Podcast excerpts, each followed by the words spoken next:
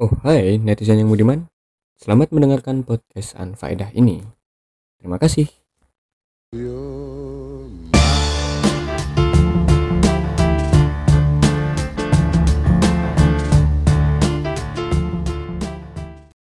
Ya kali ini kita kedatangan seorang tamu spesial Yang mana itu menjadi sahabat dekat saya dia salah satu anggota dan dulunya aktivis di kampus biru di Malang.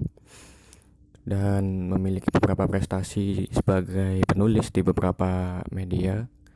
Dan kebetulan sebagai seorang perempuan untuk memperingati masih dalam masih dalam rangka International Women's Day sudah saya datangkan langsung dari Banyuwangi.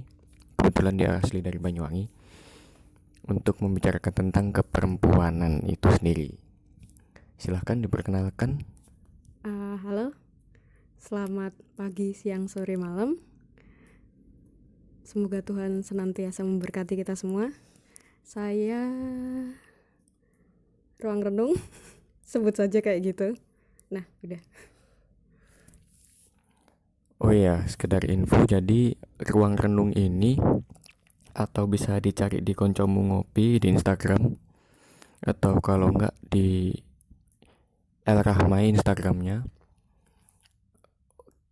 Nah, dia ini salah satu calon calon legislatif di Banyuwangi. Sebenarnya yang ingin kita obrolkan di sini tentang keperempuanan itu di kontestasi dunia politik ya sebelumnya.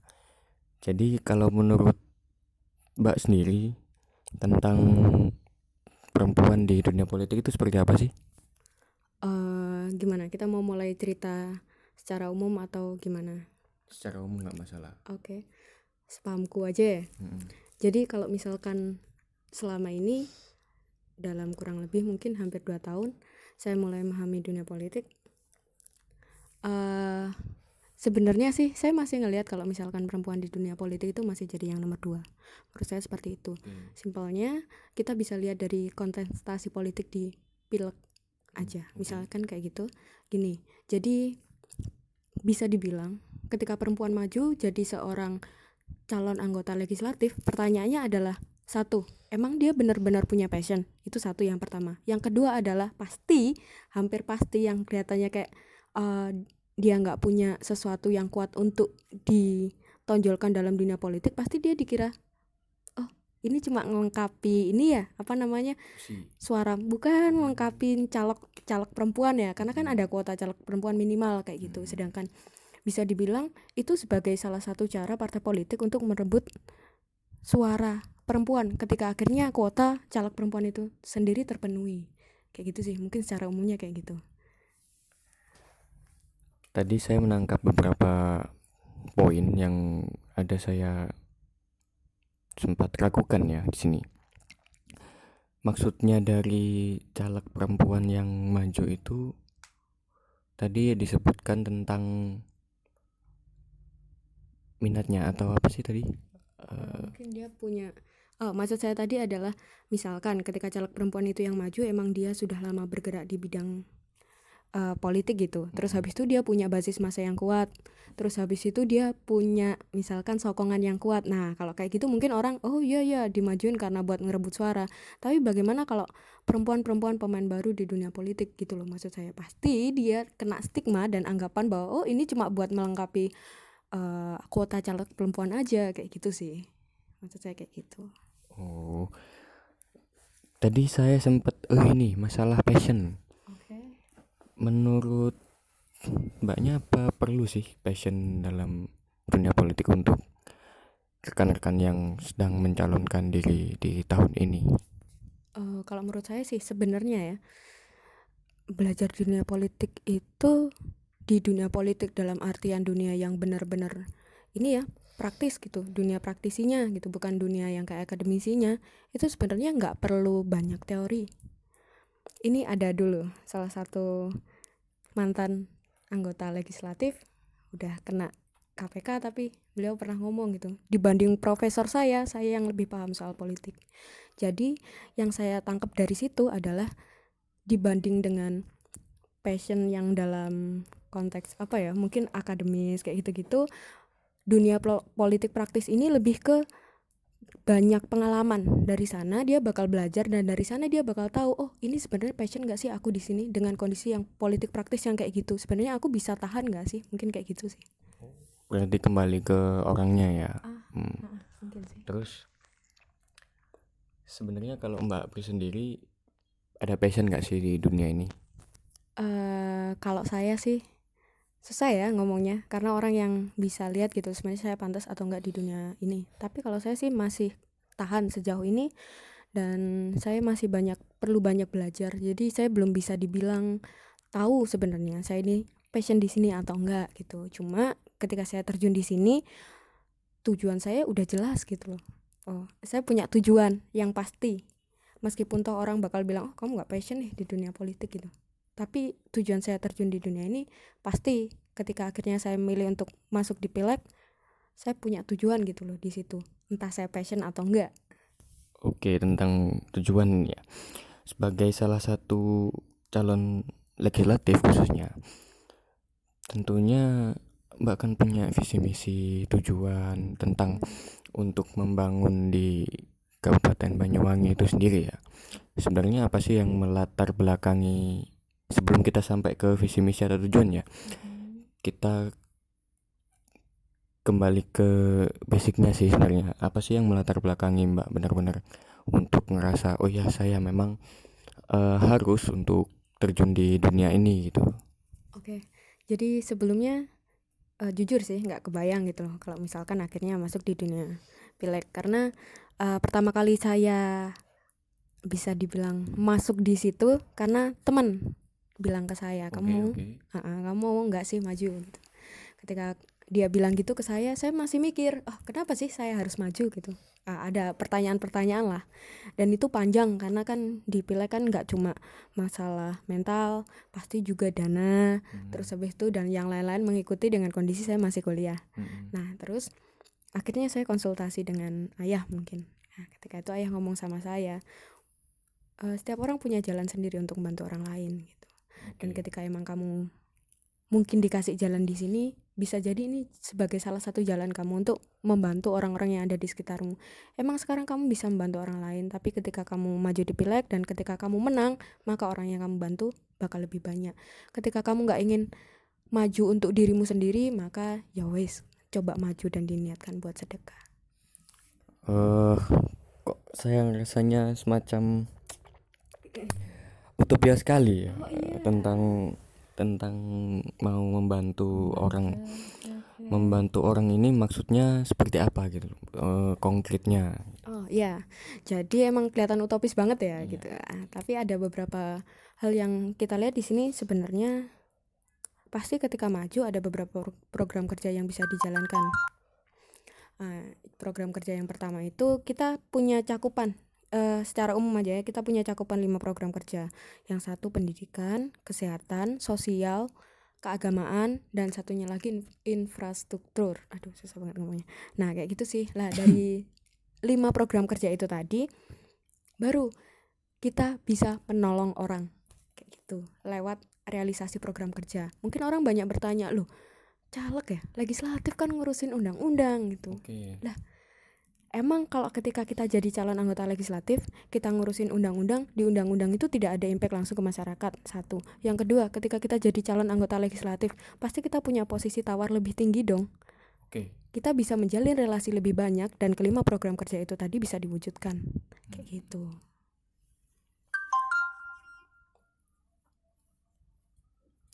Jadi mohon maaf untuk teman-teman yang mendengarkan. Tadi ada beberapa chat yang sempat bunyi mohon maaf untuk mengganggu.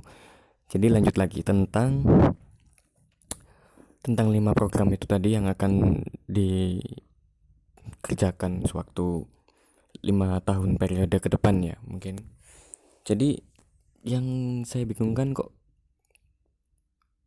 e, rasanya rasanya ya rasanya sebagai masyarakat biasa itu saya hanya berpikir tentang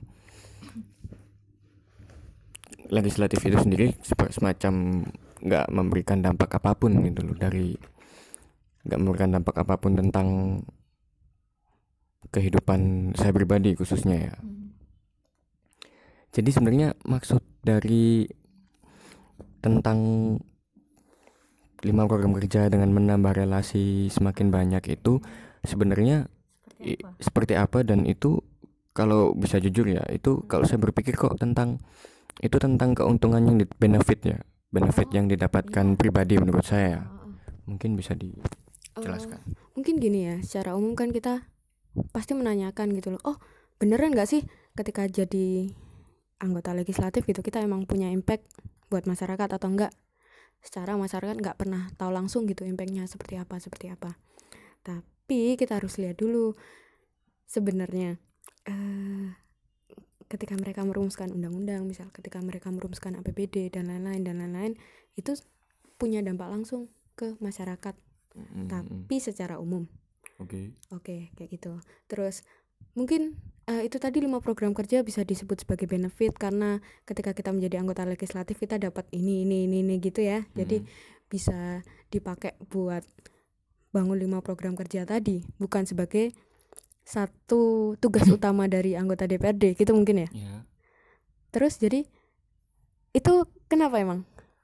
Uh, gimana gimana gimana? Tentang seperti ini maksud saya gini. Uh, relasi tadi relasi hmm. yang dicatut tadi di, di hmm. perbincangan tadi maksud saya relasi ini apakah relasi ini benar untuk rakyat atau okay. benar atau benar adanya untuk keuntungan pribadi itu. Oh. Apalagi saya berpikir kan dengan modal kampanye yang tidak sedikit gitu loh. Otomatis eh, kalau saya sebagai manusia ya saya akan berpikir tentang mencari keuntungan sebanyak-banyaknya uh, ya untuk menutup menutup menutup modal kampanye tadi gitu. Oh, oke. Okay kita tarik garis dulu berarti ya hmm. tentang modal kampanye. Pertama saya pernah membahas tentang modal kampanye ini sama teman-teman juga yang salah satunya mau nyalek tapi gagal gitu. Okay. Dalam modal kampanye ini kita emang harus bisa ngehitung sebenarnya. Hmm. Yes mari kita buka-bukaan di sini gitu. Kita harus benar-benar bisa menghitung modal yang kita keluarkan itu bakal balik modal atau enggak. Yeah. ah kebanyakan yang dilakukan caleg adalah jor-joran dia. Dia ngeluarin modal yang banyak tapi dia nggak pikiran oh itu duitnya bakal balik. Atau oh emang ya udah diikhlasin aja. Kayak hmm, gitu. hmm, hmm. sedangkan ketika mereka akhirnya ingin uangnya tadi balik dengan lima tahun jabatan cuma lima tahun tahun ke depan nggak tahu masih kepilih atau enggak gitu. Gaji cuma segitu gitu ya terus ternyata modalnya nggak balik akhirnya mereka berusaha cari uh, celah lain buat dapet duit. Mm. tapi di sini yang saya lakukan sebenarnya adalah modal kampanye saya nggak banyak. Mm. kalaupun emang saya nggak jadi ya ya udah. Kalau misalkan saya jadi ya alhamdulillah. Dan itu berpengaruh pada akhirnya tadi uh, benefit buat itu buat saya atau buat rakyat gitu kan ya? Mm ini kayak klise banget mungkin banyak yang nggak percaya. Tapi bagi saya saya juga nggak terlalu mengharapkan benefit itu gitu loh. Posisi saya ketika saya maju seperti saya bilang tadi saya ingin membantu orang. Dari sana mungkin itu benefit buat saya tapi saya gunakan untuk keperluan rakyat. Inginnya seperti itu. Jadi kalau misalkan nanti emang kepilih dan entah kalau nggak kepilih mohon saya diingatkan. Toh kepilih dan nggak kepilih ketika relasi berjalan dan program program kerja itu tadi bisa direalisasikan kenapa enggak? Kayak gitu. Kepilih dan enggak kepilih. Oke. Jadi kalau kita balik lagi gitu kan kita membicarakan tentang tujuan dan visi misi gitu yang tadi sempat dicatut belum dijelaskan itu mungkin tentang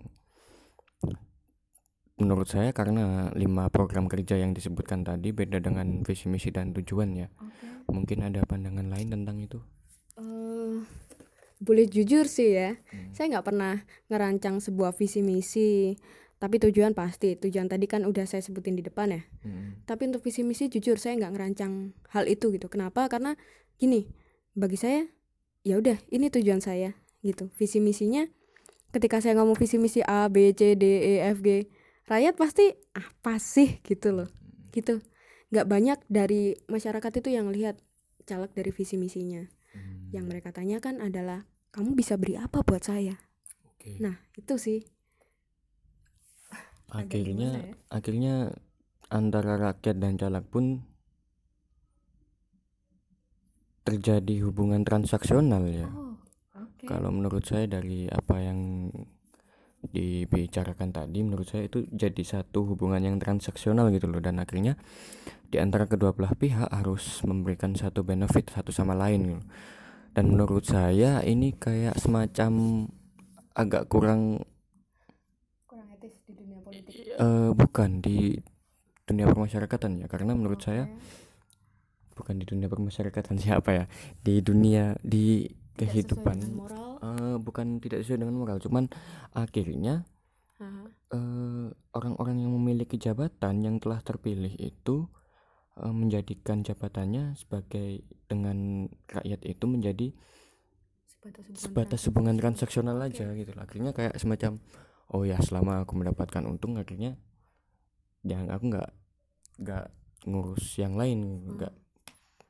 akhirnya istilahnya semacam kayak mengangkangi ya apa istilahnya kayak semacam apa? Uh, tidak peduli dengan yang mm -mm, lain. akhirnya kayak jadi semacam apatis gitu tentang apa yang ada di masyarakat di akar rumput ya khususnya. Oh, okay. gitu.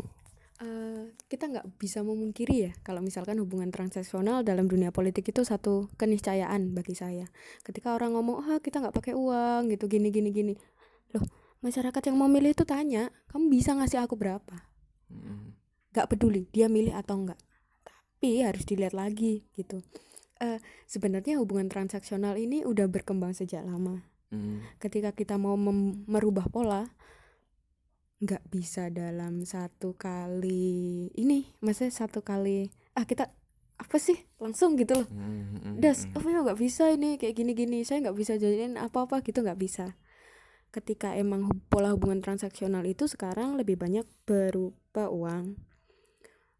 Ada juga yang beras gitu tapi paling banyak uang sih gitu. Bahkan ada yang sampai per kepala itu lima puluh ribu lumayan loh. Kalau misalkan dia butuh tiga ribu suara buat menang berapa modal kampanye yang dia keluarkan gitu. Dan terus apa itu bakal balik modal nantinya? Wah terus dapat duitnya lagi dari mana? Korupsi. Hmm. nah kayak gitu sih.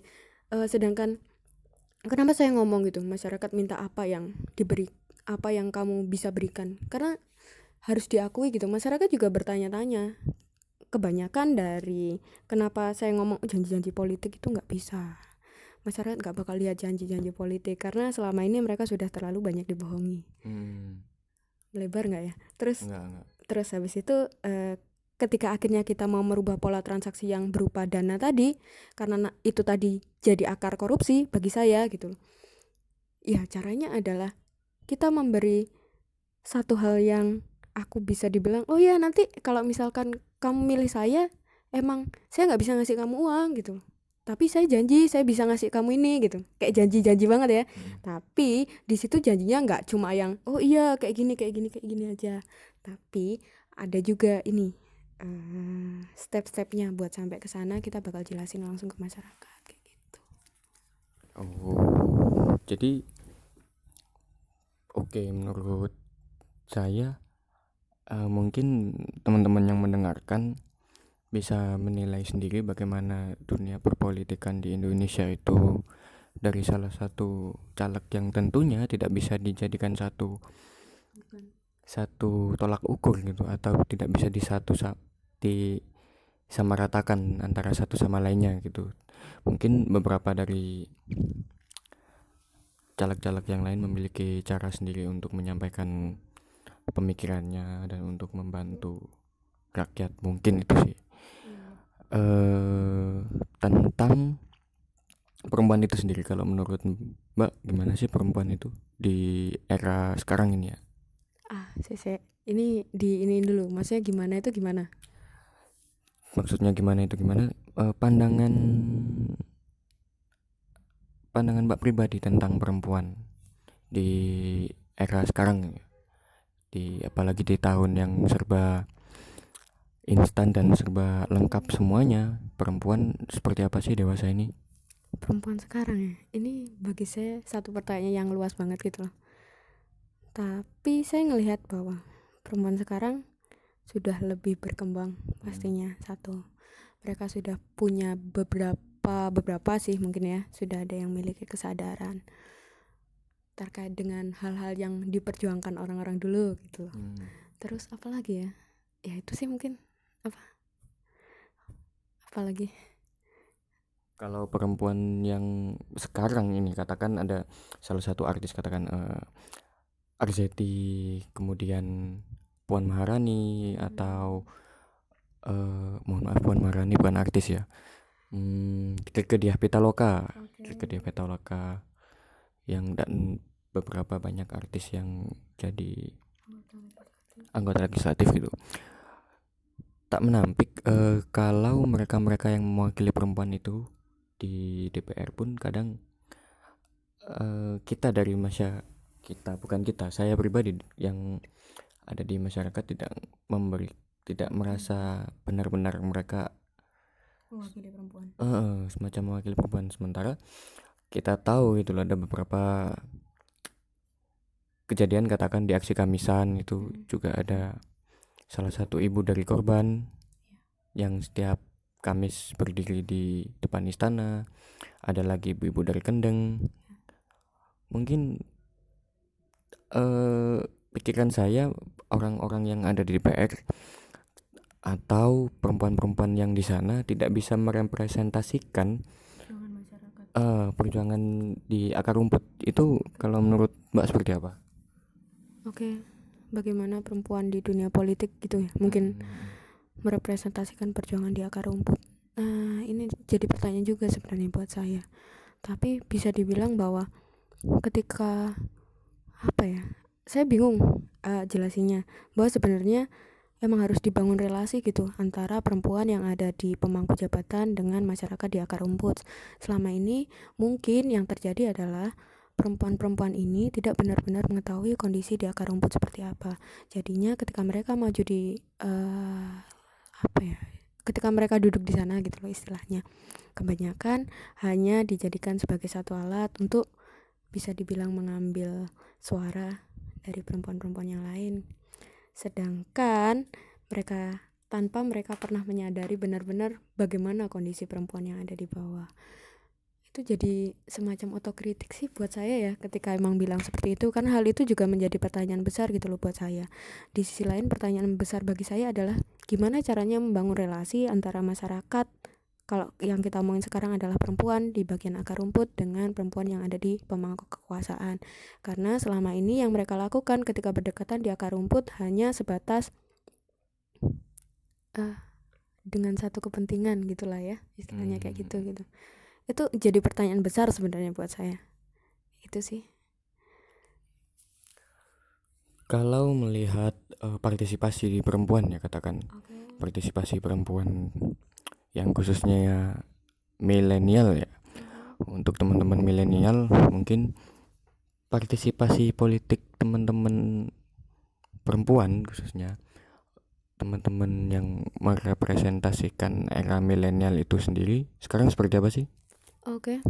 Jadi kalau sel saya lihatnya ya, presentas eh, representasi gimana perempuan di dunia politik kalau dari keterlibatan di dunia politik mungkin lebih ke coba kita lihat gimana pemilu aja ya. Hmm. Kayak gitu mungkin. Di mana hampir setiap partai politik pasti berusaha menggait masa yang berupa pemilih pemula satu terus habis itu coba ini kita boleh ini nggak sih nyamain pemilih pemula sama masyarakat di era milenial gitu atau kita beda nih menurut saya beda sih itu oke beda nah lebih lanjut lagi ya gitu terus habis itu kayak misalkan pemilih pemula yang kedua adalah perempuan kenapa kayak gitu sebenarnya kita bisa bilang kalau oh perempuan itu partisipasi politiknya dalam memilih itu tidak besar kita bisa bilang kayak gitu. Kenapa kita bisa bilang kayak gitu? Karena sebenarnya yang kelihatan paling dominan dalam hal pemilu itu mungkin adalah laki-laki. Padahal kalau dilihat ketika partai-partai politik ini berusaha menggait satu pemilih pemula yang kedua adalah kaum perempuan. Berarti ada satu pertanyaan dong sebenarnya. Kenapa sih mereka memilih untuk menggait kaum perempuan? Harus dilihat dan harus diakui bahwa sebenarnya perempuan itu lebih mudah untuk terjun di dunia politik. Sebagai kalau yang saya bilang sih uh, apa ya loyalis apa ya? Hmm, katakan seperti pepes ya pepes, pepes. Uh, persatuan mama pendukung Prabowo oh, Sandi. okay, okay oh iya iya iya. Ya semacam itu, itu. konkretnya ya. Dan di sisi lain juga bahwa perempuan itu sebenarnya lebih loyal ketika mereka masuk di dunia politik. Gitu. Seperti itu. Uh-huh. ya kayak itu sih gitu. Jadi kalau misalkan dibilang partisipasi untuk pemilih nanti ke depannya seperti apa saya yakin bahwa perempuan itu punya banyak masa yang bakal ikut memilih gitu. Dengan mereka punya loyalitas yang besar. Makanya kenapa mereka dijadikan target pemilih? Karena ya seperti itu sih gitu. Sebenarnya kalau kita lihat kan akhirnya bahwa oh ya partisipasi perempuan di sini besar gitu. Cuma kita harus kotak-kotakin lagi dalam apa sebagai apa hanya sebagai objek untuk dipaksa memilih didoktrin biar oh kamu harus milih ini ini ini atau sebagai seseorang yang mandiri dan vokal sehingga bisa membawa politik Indonesia menjadi lebih baik ke depannya. Utopis banget ya. Hmm, menurut saya nggak nggak nggak seberapa utopis sih menurut saya karena ada katakan si katakan yang dari PSI ada dari Chris Natali sama Ramani dan ada beberapa yang benar-benar vokal gitu, untuk menyuarakan tentang korupsi kesetaraan gender atau semacamnya gitu. Dan menurut saya ini memang ya menurut saya ini membawa angin segar sih emang emang memang bagus ya. Memang bagus dan benar-benar jadi satu jadi satu daya tarik tersendiri itu tentang perempuan yang benar-benar terjun ke dunia politik. Menurut saya sih seperti itu. Tentang perempuan sendiri gitu saya hanya berpikir sebenarnya ada nggak sih peran-peran sentral itu perempuan di dunia politik itu sendiri? Atau nggak di dunia politik uh, tentang perempuan itu di karena karena saya hidup di negara berkembang ya istilahnya negara berflower ya. Jadi semacam saya ada pikiran kalau misalkan dikatakan skeptis ya bisa dikatakan skeptis. Tapi saya hanya ada berpikiran kalau perempuan itu cuman sebagai ya sebagai bukan sebagai bukan sebagai ya sebagai pelengkap gitu. Oh. jadi semacam karena karena budaya patriarki ya mungkin ya. Ah, iya, gimana gimana kalau menurut pandangan mbak pribadi perempuan tetap di masyarakat hari ini khususnya di akar rumput gitu? Karena dari track record mbak sendiri yang telah mengikuti beberapa satu kerja nyata gitu akhirnya yang ingin saya tanyakan adalah benarkah ada partisipasi perempuan dalam pembangunan atau pendidikan karakter atau apa pun itulah? Oh, pasti ada dong. Gitu. Kalau di, kita bisa dibilang peran sentral perempuan itu sebagai apa gitu. Kondisinya beda-beda, hmm. tergantung di mana sektor yang ditanyakan gitu. Kayak tadi pendidikan karakter, ibu itu udah dilihat gitu bagaimana sebenarnya ketika mungkin ya secara umum kan masyarakat yang paling banyak bersentuhan dengan anak kan ibu itu sebagai satu, salah satu contoh pendidikan karakter di usia dini hmm. dan lain-lain dan lain-lain mungkin lah ya kayak gitu kalau misalkan perempuan di era pembangunan konteksnya mungkin bakal lebih luas gitu karena mm, mungkin saya lebih nangkepnya gini sih. Apa ya? Susah ngomongnya tapi bagi saya peran sentral itu nggak cuma ada di perempuan atau nggak cuma ada di laki-laki gitu. Semuanya punya peran masing-masing lebih tepatnya sih kayak gitu. Jadi bukan mana peran sentral dia di mana gitu. Oh dia punya peran bagian A gitu sedangkan yang laki-laki punya peran bagian B kayak gitu. Mereka ada saling buat saling melengkapi bukan yang paling menonjol yang mana yang paling sentral yang mana. Bagi saya nggak ada sih kayak gitu menurut saya tapi ya. Kayak misalkan simple aja uh, ini di tempat saya dulu saya dulu ikut sanggar gitu. Gimana akhirnya bisa kelihatan gitu adanya ibu ibu asuh bagi anak-anak dengan salah satu tunggal bapak saja bagi anak-anak itu ada perbedaan. Bagi saya bukan kalau bapak aja nggak bagus gitu atau kalau ibu aja nggak bagus gitu tapi emang harus ada yang saling melengkapi di antara bapak dan peran bapak dan ibu asuh bagi anak-anak terlantar. Kayak gitu sih itu simpelnya. Hmm. uh, terus? Oh jadi seperti itu simpelnya. Iya iya iya iya. Ya, terus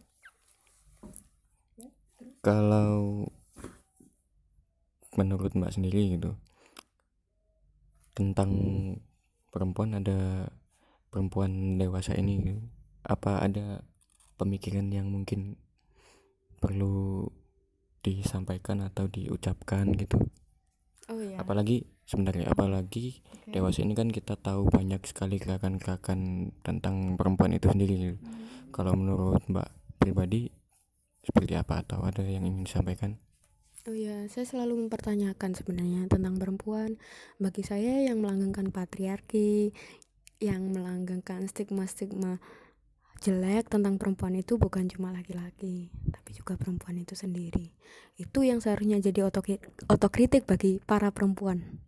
Sebenarnya, sejauh mana mereka itu turut serta membunuh perempuan-perempuan yang ada di sekitarnya dengan pemikiran mereka, stigma negatif mereka, dengan mereka melanggengkan patriarki sejauh mana sebenarnya mereka berperan untuk itu?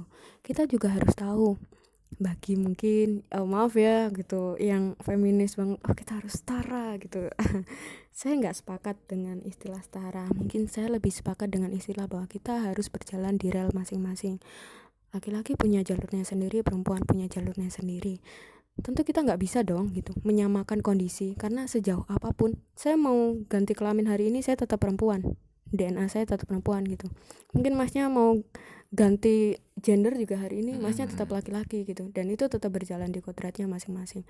Yang harus kita tahu sebagai perempuan sekarang adalah mungkin saya lebih suka juga bagaimana kalau perempuan masa kini itu lebih bisa menempatkan dirinya, lebih paham kondisi masyarakat, lebih mengerti bagaimana perempuan lainnya dan juga nggak turut serta untuk membunuh perempuan lainnya lewat stigma-stigma yang dia bangun di masyarakat gitu sih mungkin ya. Jadi itu pesannya ya. Mungkin itu yang bisa disampaikan oleh sahabat saya yang jauh-jauh saya impor dari Banyuwangi mungkin ya bisa diambil kesimpulan sendiri untuk teman-teman yang mendengarkan dan selamat mendengarkan juga dan terima kasih. Ya mungkin itu sih dan selamat International Women's Day. Sekali lagi selamat hidup dan selamat bahagia. Terima kasih terima kasih telah mendengarkan dan mohon maaf bila ada salah kata. Tetap semangat dan ceria. Salam